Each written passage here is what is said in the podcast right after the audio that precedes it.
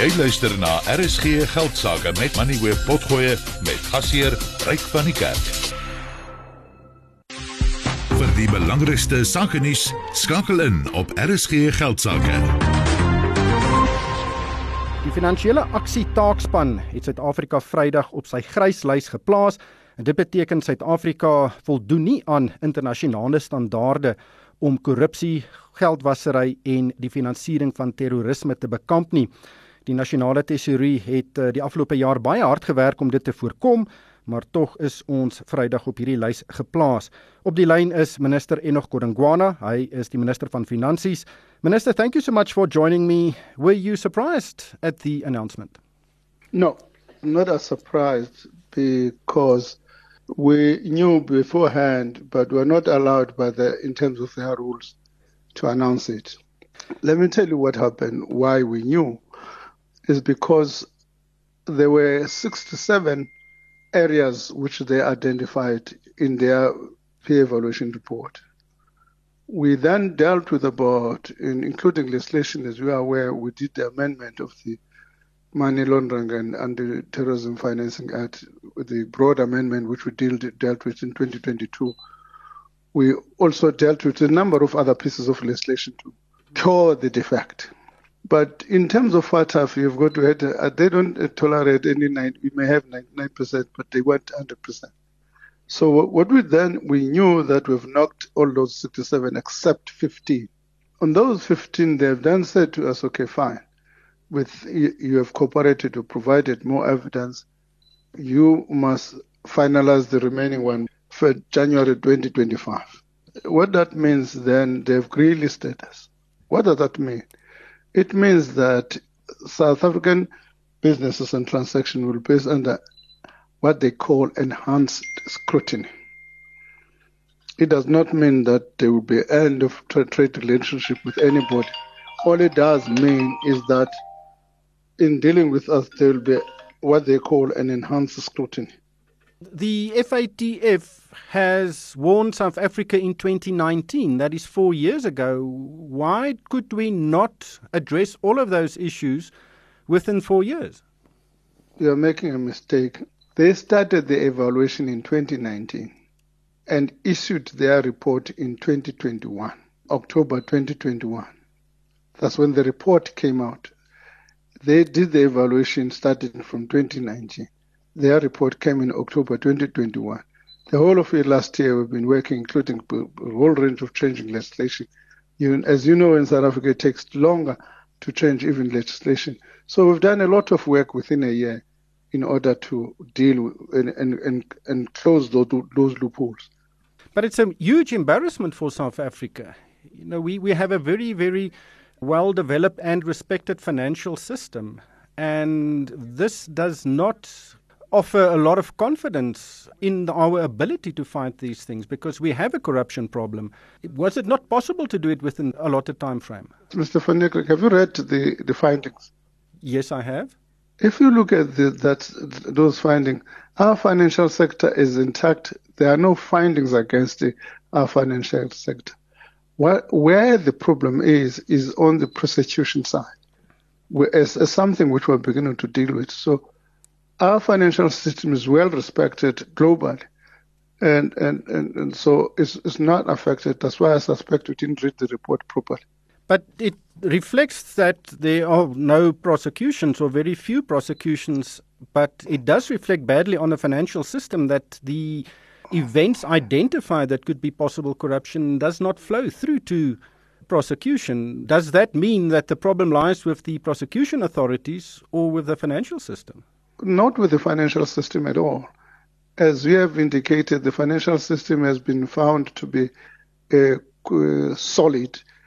Uh, the outstanding matters re- refer, uh, relate to actions to be taken and which government is going to demonstrate that we're acting. By the way, you will see that that's why in the budget we're making more resources to the prosecution authorities and the law enforcement agencies, precisely not for FATF only, but as a, as a nation, the crime levels are also not acceptable. So as a nation, we've got to demonstrate not only for for that financial team, but for Our own as a nation, we've got to make sure that we deal with crime and corruption. It's not in our interest. And we're making resources for two consecutive years now, if you have been reading following the budget process. In the year that we're finishing now, we're employing about 10,000 police. Over the next uh, three years, we'll be employing another 15,000. There are some issues remaining which needs to be addressed as soon as possible. But what, what are the main outstanding issues which the FATF are concerned about? The remaining ones, not main ones, are concerning us. I'm saying the remaining ones. It's not that uh, there, there, were other major issues which we've satisfied. The remaining ones relate really to action and related to uh, largely to, to the investigation and prosecution of uh, relating to money laundering and terrorism financing. And what needs to happen for you to address those? Is it legislatory changes or are there other processes and regulations that need to, to be amended? I said we've finished the legislative process. We brought the General Amendment, Laws Amendment Act last year, uh, which has been assented to by the President. So legislative issues have been sorted out, and, and FATF has accepted those legislative changes that the seriousness in relation to the law. What now is, is, is required is to tighten the investigation and the prosecution side of things. Is money the only solution to that problem? Money is not the only solution to that problem, but we have from our side to equip them.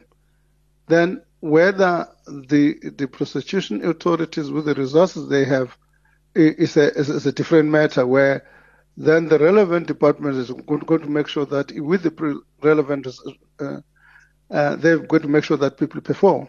By the way, we have got an in-depth departmental team which works on, on, on this, and that in-depth departmental team is going to continue to make sure that even other departments that are still uh, not performing well will do so.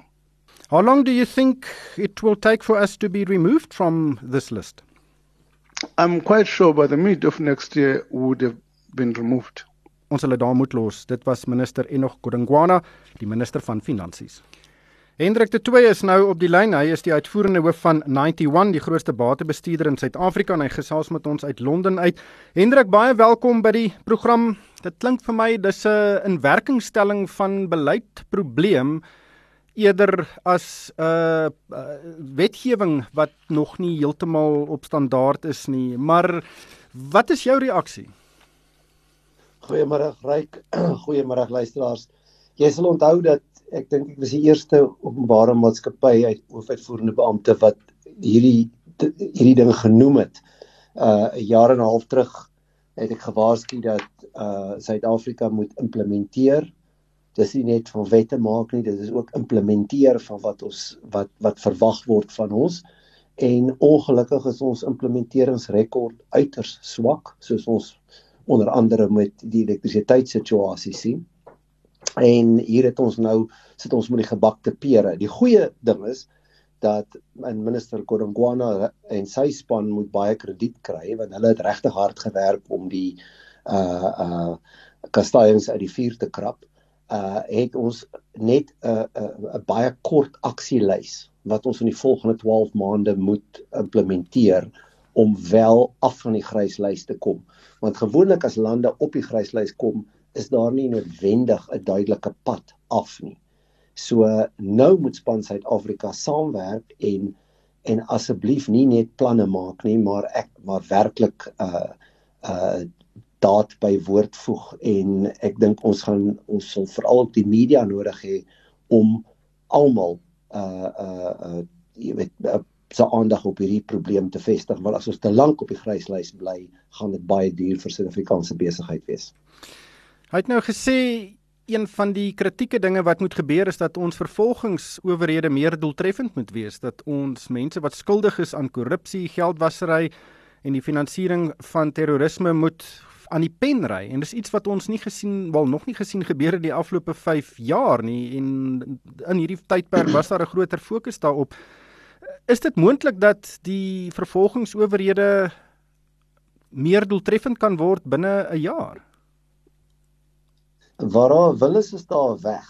Uh ek dink 'n mens moet nie beloftes moet 'n klein knippie sout vat. Veral as jy dink dat uit hierdie lys is ons nou saam met Nigerië en het Kambodja nou sopas afgekom.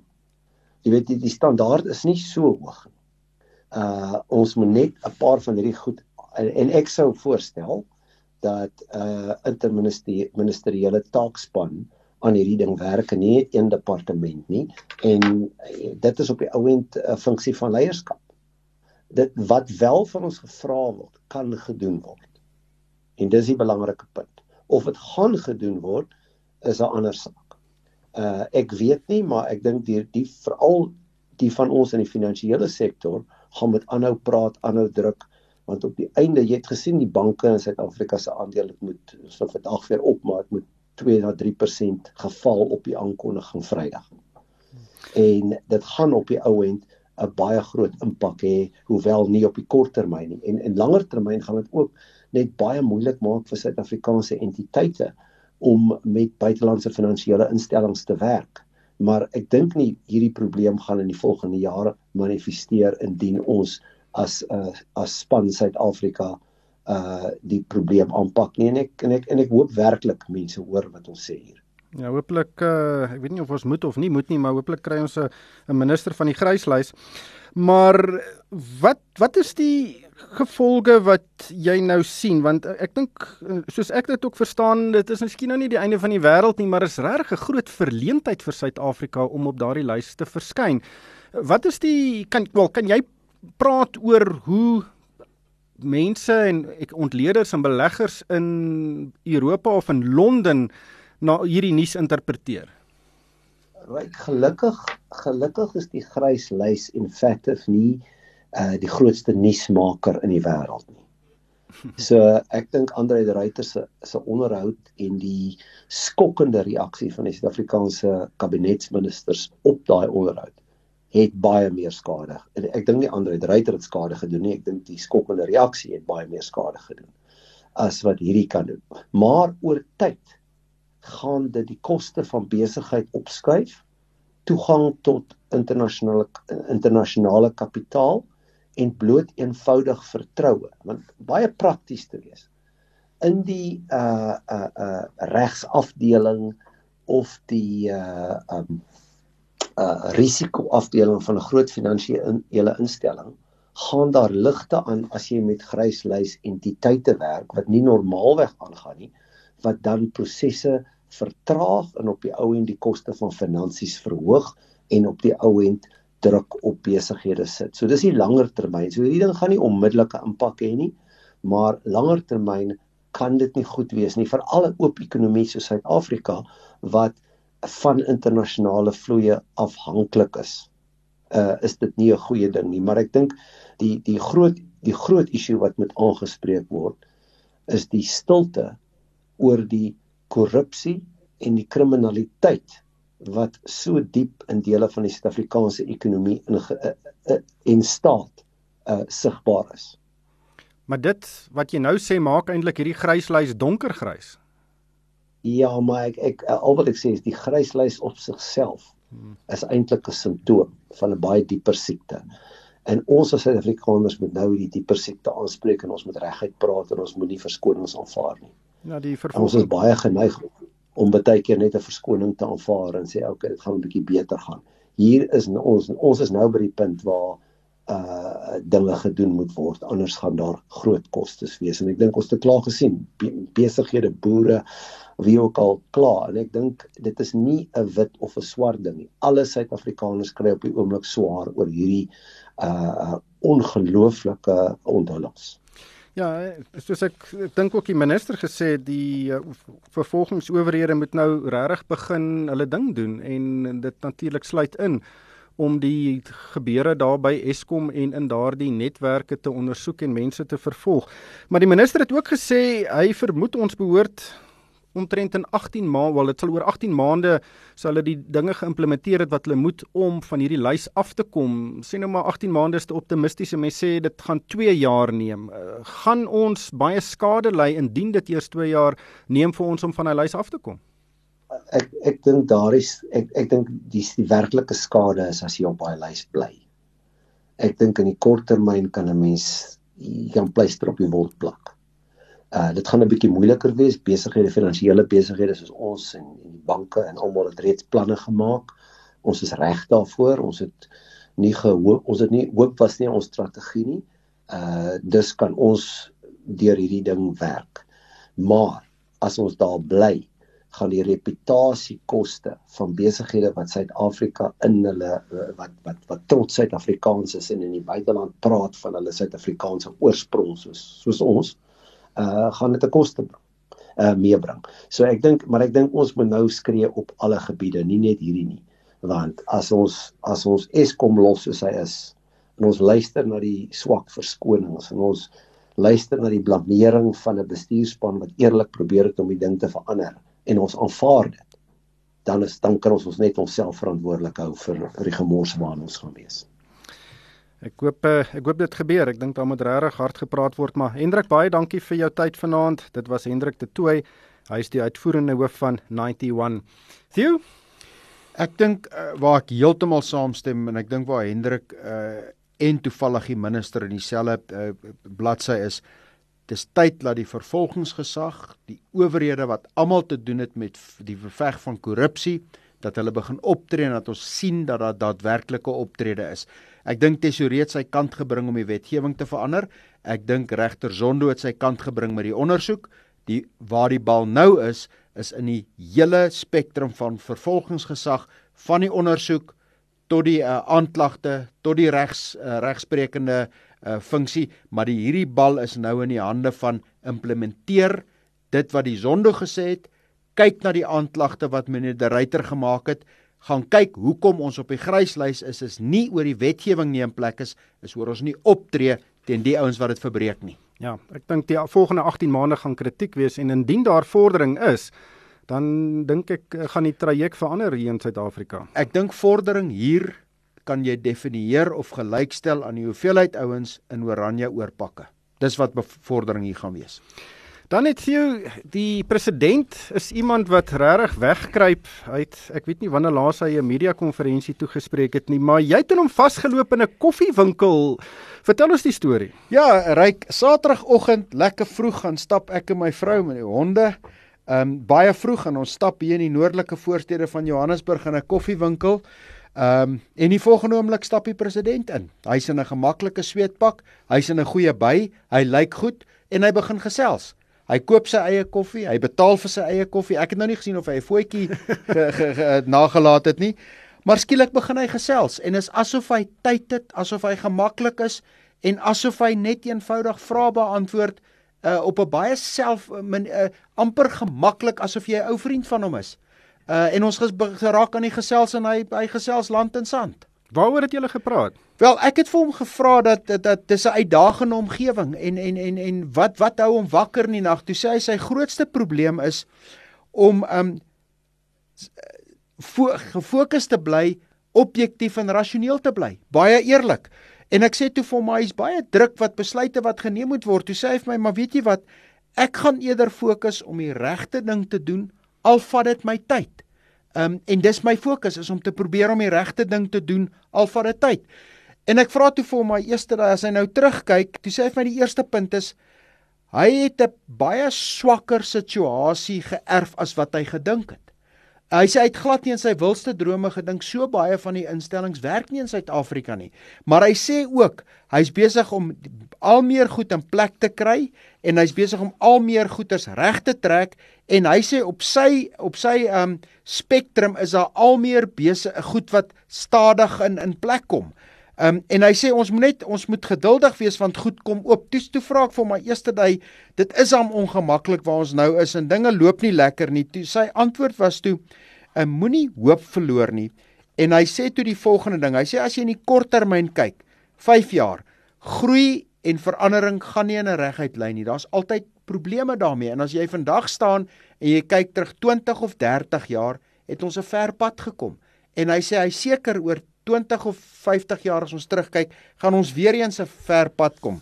Um, so maar, maar dit is my verrassend dat hy sê uh, dit was erger as wat hy gedink ja. het dis oor die posisie kom. Hy was die adjunk president en hy was verantwoordelik vir Eskom.